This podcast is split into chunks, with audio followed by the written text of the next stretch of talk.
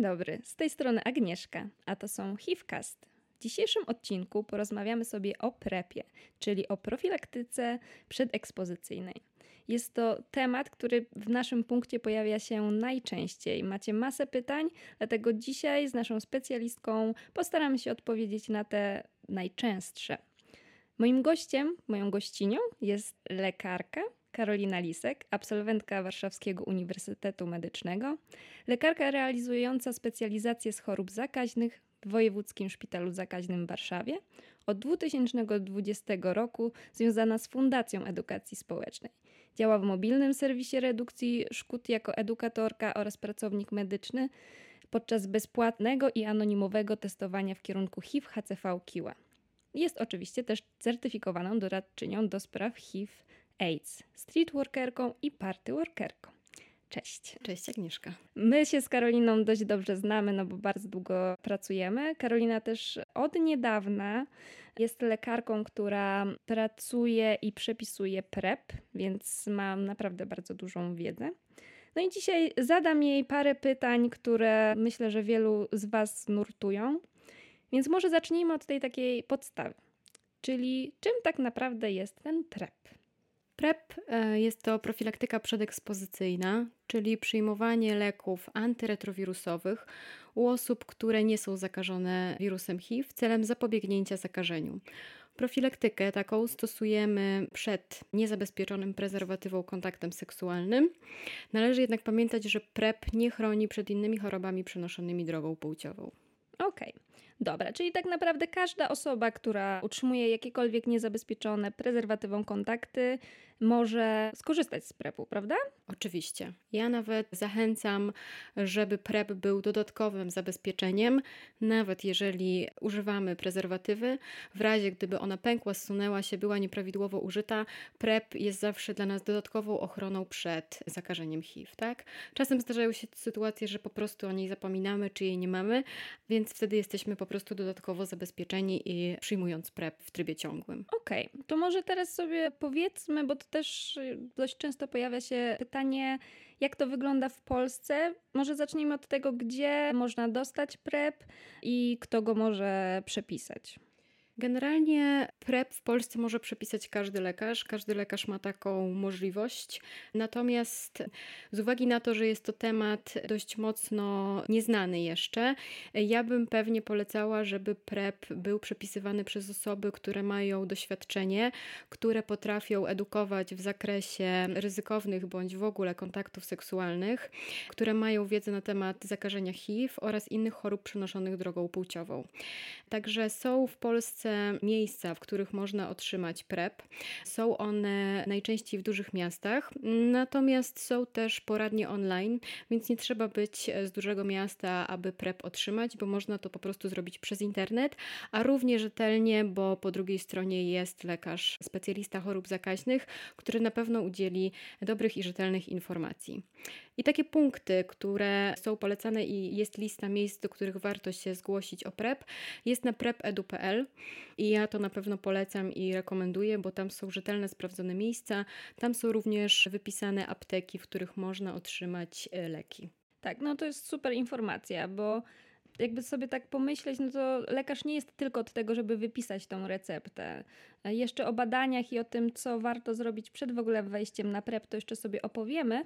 No ale może też powiedzmy trochę o tym, jak to jest na świecie, bo PrEP kojarzy nam się z tabletkami najczęściej ale tak naprawdę na świecie są badane, dopuszczane też inne formy. No i tak jakby co możemy dostać w Polsce, a co możemy dostać na świecie. To chyba bardziej z ciekawostki, no bo każdy żyje we własnych realiach, ale może część z Was mieszka gdzieś za granicą, więc y, może wtedy się dowiecie, że jest więcej opcji. Tak, w Polsce do, dostępny jest tylko i wyłącznie doustny PrEP, właśnie w postaci tabletek.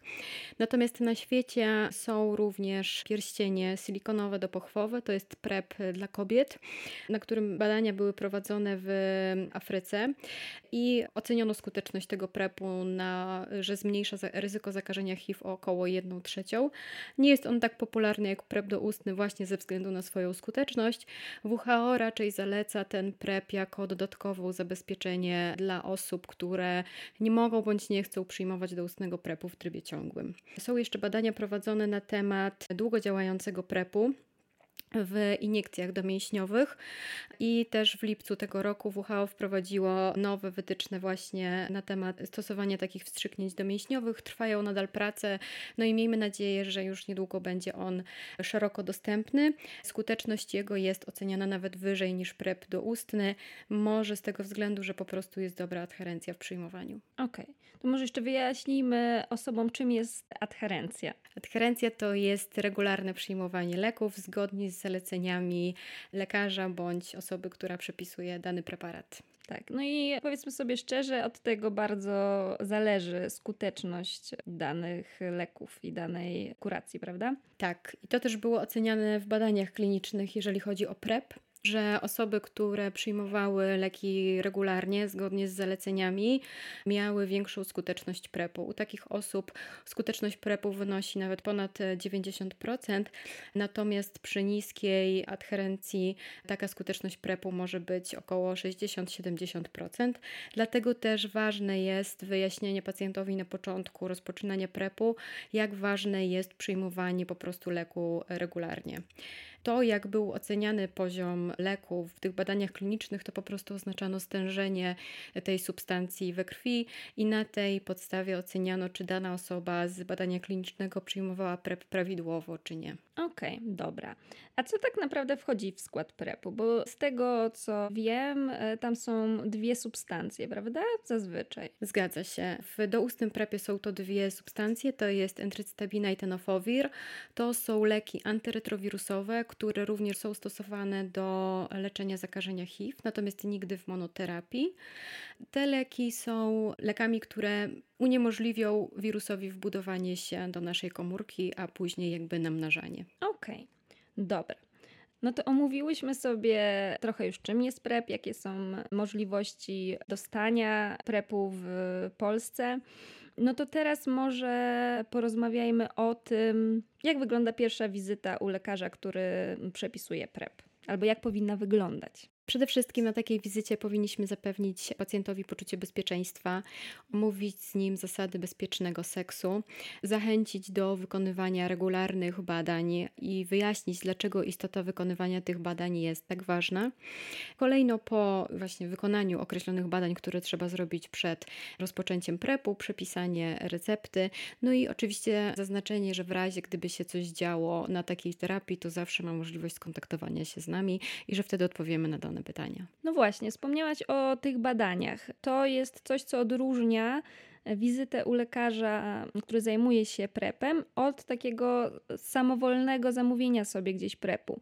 Bo bardzo często jak klienci do nas przychodzą w punkcie, to jak pytamy, ok, czy są na prepie, czy byli na prepie, mówią, że tak, no a skąd ten prep e, mieli? No i naturalne jest to, że jak podróżujemy po świecie, na świecie są różne praktyki dotyczące PrEP-u. Można dostać go w niektórych krajach bezpłatnie. Czasami nasi znajomi lekarze bądź lekarki mogą nam przepisać, ale ważne jest to, żeby wiedzieć, dlaczego wykonać dane badania, kiedy, no i jak to właśnie może wpłynąć na adherencję, o której rozmawiałyśmy. Więc powiedzmy sobie przede wszystkim, jakie te badania na sam początek warto wykonać. Przede wszystkim PrEP może być tylko i wyłącznie dla osób, które nie są zakażone HIV. Więc przed rozpoczęciem PrEP-u należy wykluczyć świeże zakażenie HIV Powinno być to jakieś 2-3 tygodnie po ostatniej ryzykownej, czyli niezabezpieczonej prezerwatywie kontakcie seksualnym. Wtedy należy wykonać test w kierunku zakażenia HIV, natomiast musi być to test duo, czyli badanie, które wykrywa zarówno antygen P24, jak i przeciwciała anty-HIV. Czyli to jest takie badanie w punkcie konsultacyjno-diagnostyczne, które bardzo często nazywamy jako standardowe, prawda? Tak, jako test laboratoryjny, którego wynik jest zazwyczaj na drugi dzień albo później. Dobra. A powiedz mi jeszcze, co się może stać, jak nie wykluczymy tego HIV-a i na przykład okaże się, no właśnie, jeszcze się nie okaże, ale powiedzmy, że osoba jest potencjalnie zakażona, no ale o tym nie wie, no i wchodzi na PrEP. I co się może wydarzyć? W badaniach obserwowano, w badaniach klinicznych podczas badania w ogóle PrEP-u zaobserwowano taką zależność, że osoby, które są zakażone HIV i przyjmują PrEP, czyli te dwa leki antyretrowirusowe, wykształcają niestety oporność na wirusa HIV-1, co jest dla nas lekarzy bardzo przykrą wiadomością, ponieważ entrycytabina i tenofovir to są bardzo dobre leki, których nie chcielibyśmy tracić z terapii. Dlatego tak ważne jest to, aby to wczesne zakażenie HIV wykryć i nawet jeżeli na prepie dana osoba miałaby objawy ostrej choroby retrowirusowej, należy prep przerwać na co najmniej miesiąc, wykluczyć zakażenie HIV i dopiero można do niego powrócić. Dlatego tutaj też ponownie jakby zaznaczę rolę lekarza w tym wszystkim, że naprawdę bardzo ważne jest wyjaśnienie pacjentowi ryzyk, które mogą gdzieś tam płynąć podczas stosowania prepu. Wiem, że może to być wszystko dużo, natomiast jeżeli porozmawia się na ten temat spokojnie i wszystko się wytłumaczy, dlaczego tak, a nie dlaczego nie inaczej, to naprawdę ten prep jest bardzo prosty i nie jest taki straszny. Okej, okay. dobra, to jakie jeszcze badania warto wykonać? Na pewno wykluczyć zakażenie WZW typu B, też mniej więcej z podobnego powodu jak tutaj z zakażeniem HIV. E, tenofovir, który jest w prepie, jest również stosowany do leczenia WZW-B i u osoby, u której dojdzie do zakażenia tym wirusem żółtaczki typu B na prepie i podczas odstawienia jakby nagłego e, tego tenofowiru może dojść do rozwoju, może być związane z takim ciężkim zaostrzeniem zapalenia wątroby, tak? Więc dlatego e, jest to mocno istotne i dlatego bardzo zalecane jest szczepienie przeciwko WZW typu B przed rozpoczęciem prepu. Dlatego to jest na pewno szczepienie, które e, jest no, w mojej ocenie konieczne. Tak? W Polsce na szczęście mamy duży problem z głowy, ponieważ wiele osób z tych roczników po roku 80 jest po prostu zaszczepione. I tak naprawdę ostatnim badaniem, które jest niezbędne do włączenia prepu, to kreatynina, czyli parametr, który mógłby nam mówić o niewydolności nerek. Wytyczne PTNAIDS mówią jeszcze o znaczeniu morfologii i badania ogólnego moczu oraz o wykluczeniu innych chorób przenoszonych drogą płciową oraz zakażenia HCV. Oczywiście to są badania dodatkowe, ich jakby brak tych badań nie warunkuje tego, że PrEP nie zostanie włączony, ale naprawdę silnie są te badania oczywiście zalecane. Pewnie, więc zachęcamy wszystkich do takiego pełnego pakietu badań. A jeszcze wspomniałaś o tym szczepieniu na WZW-B. A czy są jeszcze jakieś inne szczepienia, które byś zaleciła osobom, które planują wejść na PrEP? Tak, to są szczepienia przeciw innym chorobom, które mogą być przenoszone drogą kontaktów seksualnych, czyli szczepienie przeciwko WZW typu A oraz przeciwko wirusowi HPV. To są, myślę, takie dwa szczepienia, które naprawdę warto mieć. One są na całe życie i myślę, że warto. Okej. Okay. No i wspomniałaś, to może powtórzmy to jeszcze raz, bo, bo wspomniałaś o tej takiej świeżości tych badań, czyli kiedy maksymalnie przed rozpoczęciem kuracji te wszystkie badania powinny zostać wykonane. Myślę, że to takie 7 dni, jeżeli chodzi na przykład o kreatyninę. Natomiast no, HIV na pewno musi być w odstępie 2-3 tygodnie od ostatniej ryzykownej sytuacji. Tak? Jeżeli od testu do włączenia PrEP-u nie było żadnej innej ryzykownej sytuacji, to ten też test pewnie też może być trochę starszy. Natomiast to jest kwestia po prostu szczerości pomiędzy pacjentem a lekarzem i jak bardzo lekarz ufa danemu pacjentowi. Ok, więc decydujemy się na PrEP, zrobiliśmy te badania przed wejściem. No i lekarz ma możliwość przepisania nam PrEP-u. Może porozmawiajmy teraz o tym, jakie są możliwości przyjmowania tego PrEP-u. Mhm. PrEP można przyjmować w trybie ciągłym i to jest najbardziej zalecane przyjmowanie tego PrEP-u.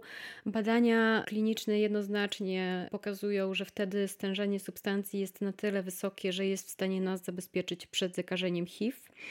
I na przykład też dawkowanie w trybie doraźnym, czyli tak zwane na żądanie. Nie jest zarejestrowany też, jeżeli chodzi o profilaktykę w charakterystyce produktu leczniczego. Takie dawkowanie doraźne jest możliwe tylko i wyłącznie dla mężczyzn mających kontakty seksualne z mężczyznami, bądź dla trans kobiet mających kontakty seksualne z mężczyznami. Okej, okay. ale z tego co słyszymy, to doraźne jest dość często jednak stosowane i szczerze powiem, ja się spotykam z różnymi informacjami na temat tego dawkowania. Bardzo często osoby same sobie dawkują. Czasami się zdarza, że ktoś pomyśli, okay, no, no to wezmę jedną tabletkę jakby przed kontaktem, zawsze to jakaś jest tam ochrona, a jak, jeżeli już decydujemy się na ten doraźny PrEP, jak powinno wyglądać dawkowanie tego doraźnego?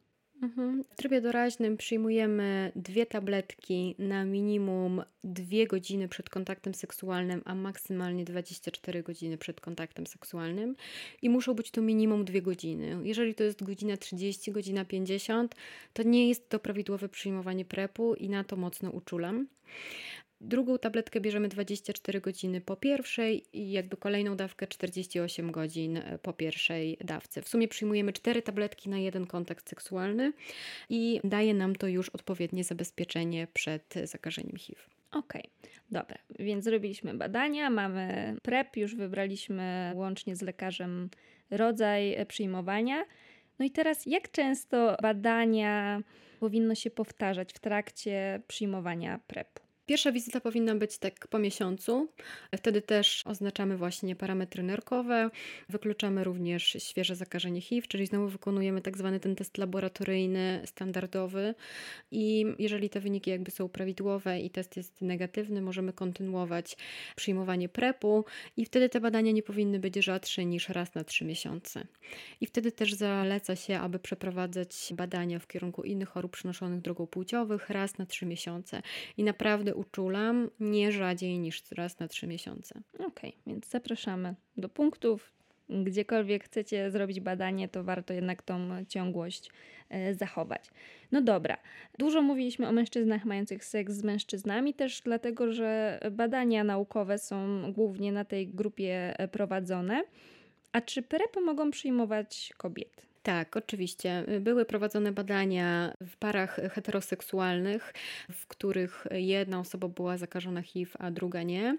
I kobiety mogą przyjmować PrEP, natomiast nie mogą go przyjmować w trybie doraźnym. PrEP dla kobiet jest tylko i wyłącznie w trybie ciągłym, a wynika to po prostu z czasu, jakim wysycają się komórki, tam szyjki macicy i pochwy. I po prostu dla receptywnych kontaktów dopochwowych osiągnięcie prawidłowego stężenia PrEP-u to jest około 20 dni i tak samo dla osób, które używają substancji psychoaktywnych w sposób iniekcyjny. Dla takich osób PrEP też nie może być używany w trybie doraźnym, tylko i wyłącznie w trybie ciągłym, z uwagi właśnie na to wysycenie, które jest osiągane dopiero po 20 dniach. Okej, okay, a dla porównania jak jest u mężczyzn? U mężczyzn, jeżeli rozpoczynamy od jednej tabletki w ciągu dnia, czyli codziennie rozpoczynamy przyjmowanie prepu regularnie o stałej porze, to jest 7 dni. Natomiast mamy też możliwość połączenia trochę trybu doraźnego i ciągłego, czyli przyjęcie dwóch tabletek na minimum 2 godziny przed kontaktem seksualnym i później kontynuowanie jednej tabletki codziennie. I wtedy jakby również mamy takie zabezpieczenie. No dobrze, a co w przypadku, kiedy decydujemy się o zakończeniu przyjmowania PrEP-u. Czy można to zrobić sobie tak po prostu odstawiając, czy też dobrze się skonsultować z lekarzem? No i pewnie też jakieś badania warto by było wykonać i w jakim tak naprawdę odstępie od momentu, kiedy weźmiemy ostatnią tabletkę. Tak, myślę, że warto się skontaktować z lekarzem w tej sprawie, bo może nam się wydawać, że tak naprawdę nie mamy już ryzyka i już nie potrzebujemy prepu. Natomiast kiedy omówimy z lekarzem swoje zachowania seksualne, to okaże się, że jednak dalej to ryzyko jest, tak? Tutaj na przykład są takie pary, które są w związkach i już rozpoczęli ten związek i zrobili sobie testy na e, jakby rozpoczęcie związku, co jest bardzo fajne, natomiast okazuje się później, że jest to związek otwarty, z których jedna osoba ma rzeczywiście kontakty penetracyjne z innymi osobami niezabezpieczone prezerwatywą. No to to też nie jest wskazanie do tego, żeby taki PrEP kończyć, tak? Natomiast jeżeli rzeczywiście zdecydujemy się już o zakończeniu PrEP-u, to po co najmniej 8 tygodniach należy wykonać badanie w kierunku HIV i to musi być ten test laboratoryjny. E, I oczywiście też na sam koniec warto wykluczyć wszystkie inne choroby przenoszone drogą płciową, zakażenie HCV i kreatynina. To są takie podstawowe rzeczy, które należy zrobić po zakończeniu PrEP-u. Okej, okay, no dobra. Dużo wiemy o tym, co pozytywnego jest w prepie, ale to pytanie też bardzo często się pojawia i myślę, że warto pokazać te dwie strony. Więc może omówmy sobie te najważniejsze skutki uboczne prepu, które mogą wystąpić. Tak naprawdę u większości osób, które przyjmowały PrEP, występowały jakieś działania niepożądane. W większości były to działania niepożądane łagodne, które ustępowały po kilku dniach, tygodniach przyjmowania PrEP-u. Najczęściej zgłaszano problemy żołądkowo-jelitowe, nudności, wymioty, ból głowy. Z tego powodu na przykład niektóre osoby nie mogą przyjmować PrEP-u w trybie doraźnym, ponieważ za każdym razem, kiedy rozpoczynają przyjmowanie leku, pojawiają się te dolegliwości, które z czasem znikają. W badaniach też wysunięto takie wnioski, że wiele osób, które zaprzestały używania PrEP-u właśnie z powodu takich no, łagodnych działań niepożądanych, stwierdziło, że zdecydowanie by wróciło do tego PrEP-u z uwagi na korzyści, które można z niego mieć, tak? To, co jest też taką sprawą wartą powiedzenia, to jest to, że te dwa leki są głównie eliminowane drogą nerkową e, poprzez przesączanie kłębuszkowe i one mogą wpływać na niewydolność nerek, na zwiększenie stężenia kreatyniny właśnie. Natomiast nie obserwowano w tych badaniach trwałego uszkodzenia nerek i po odstawieniu tych leków, po odstawieniu PrEP-u, czynność nerek wraca do wartości prawidłowych. Więc tak badania to przedstawiają. I taka jeszcze jedna rzecz, która jest pewnie w trakcie badań, to to, że tenofowir może trochę wpływać na zmniejszenie gęstości kości, natomiast w długotrwałym takim procesie nie udowodniono złamań osteoporotycznych, żeby y, powodował i nie mamy tutaj jakichś takich długotrwałych niekorzyści, które mógłby powodować. Okej, okay, a czy są jakieś takie grupy osób, nie wiem, na przykład cierpiące na jakieś konkretne choroby, które nie powinny przyjmować PrEP-u? Przede wszystkim nie mogą go przyjmować osoby, które są zakażone HIV to będę zaznaczać. I też PrEP nie był badany na osobach właśnie, które mają na jakimś poziomie niewydolne nerki, tak? Po prostu nie było badań na ten temat prowadzonych, tak? E, także to jest do rozważenia z lekarzem prowadzącym, czy właśnie u takiej osoby włączyć PrEP. Jakby musi być sprowadzony bilans zysków e, gdzieś tam i strat i na pewno taka osoba dziś częściej powinna badania nerek podczas PrEP-u wykonywać. Okej, okay. Dobra. To teraz sobie omówmy parę takich nagłych przypadków, które też mamy od Was. Co zrobić, jeżeli pominę dawkę prepu albo ją zwrócę? Jeżeli pominę dawkę prepu i minęło mniej niż 12 godzin od kolejnej dawki, to należy przyjąć dawkę pominiętą jak najszybciej i wrócić do regularnego przyjmowania leku. Jeżeli minęło ponad 12 godzin, to już nie kumulujemy dawki i przyjmujemy po prostu kolejną tabletkę z następnego dnia. A w razie wymiotów, jeżeli wymioty nastąpiły tak do godziny po przyjęciu leku, to należy przyjąć dawkę kolejną, a jeżeli powyżej godziny, to nie należy już przyjmować kolejnej tabletki. Okej. Okay. No to teraz pytanie, czy branie podwójnej dawki nas bardziej chroni? Nie, i to też tak jak rozmawiałyśmy, i bardzo dobrze, że to cały czas podkreślamy, że PrEP należy przyjmować tak, jak jest zalecany, czyli albo codziennie po jednej tabletce, albo w trybie doraźnym cztery tabletki, czyli dwie przed kontaktem seksualnym i dwie po. Nie chroni nas bardziej przyjęcie dawki skumulowanej, może to tylko prowadzić do działań niepożądanych. Tak?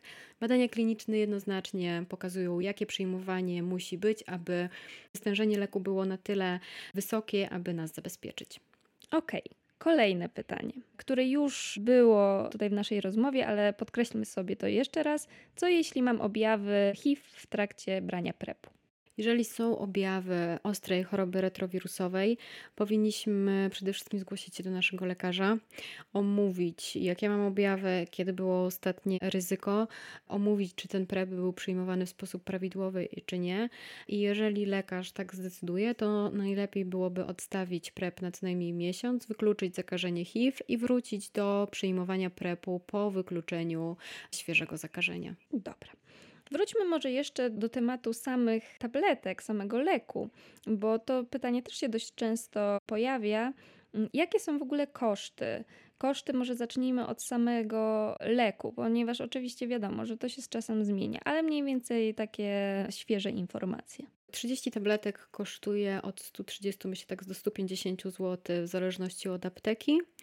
No i to jest koszt 30 tabletek, tak? tak? Czyli albo to jest koszt na 30 dni, jeżeli przyjmujemy w trybie ciągłym, albo w zależności od tych ryzykownych kontaktów seksualnych. Okej. Okay. Dochodzi do tego oczywiście jeszcze koszt wizyty u lekarza. Tutaj to się waha. waha. Tutaj waha się ta cena w zależności od specjalisty. Dochodzi koszt zrobienia badań. Z ważnych informacji to właśnie niektórzy specjaliści przyjmują te badania przede wszystkim na HIV standardowe robione w punktach konsultacyjno-diagnostycznych. Natomiast trzeba się najpierw upewnić u specjalisty, u którego będziemy mieli wizytę, czy on takie badania honoruje. No bo to zawsze odchodzi jakiś tam koszt. Z tego co wiem, ty i Rafał w centrum na Nugat 3 przyjmujecie te badania, prawda? Tak. Wtedy trzeba po prostu zakodować takie badanie swoim numerem PESEL i dla nas to jest wystarczająca weryfikacja danego pacjenta. Tak, jak najbardziej. Badanie oczywiście nadal pozostaje anonimowe, bo to jest tylko w formie hasła. My tych danych nigdzie nie przetrzymujemy, natomiast podczas wizyty lekarskiej jest to niezbędne. Tak samo jak inne dane, no jest to standardowa wizyta lekarska, żeby otrzymać receptę, to jednak te dane są potrzebne. Okej, okay, a jeszcze porozmawiajmy o tym, bo wspomniałaś, że na tej stronie na prep.edu.pl są też apteki, w których ten lek jest dostępny. Czy to znaczy, że nie w każdej aptece dostaniemy PrEP? Nie, nie w każdej aptece dostaniemy PrEP. Warto sprawdzić aptekę, czy jest tam dostępny ten lek, zanim się do niej udamy. Nie jest to dostępne w każdej aptece z uwagi na to, że nie jest to na tyle popularne, żeby aptekom się chyba po prostu opłacało posiadać taki lek na stanie swojej apteki. Bardzo często jest tak, że w okolicy punktów, które przepisują PrEP, jest apteka, która ma dane leki. To jest bardzo wygodne dla pacjenta, bo zaraz po wyjściu z takiej poradni jest w stanie pójść do apteki i taki lek zakupić, tak?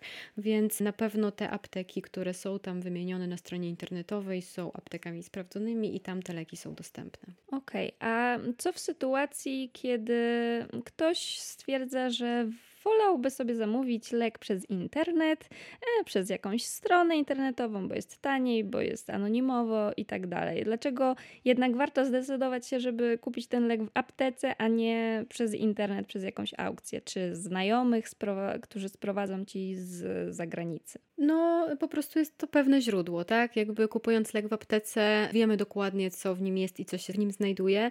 Natomiast no, leki zamawiane przez internet z niepewnego źródła mogą się skończyć tym, że nam się wydaje, że jest tam coś, co byśmy chcieli, a niestety to nie będzie coś, co nas ochroni przed zakażeniem HIV.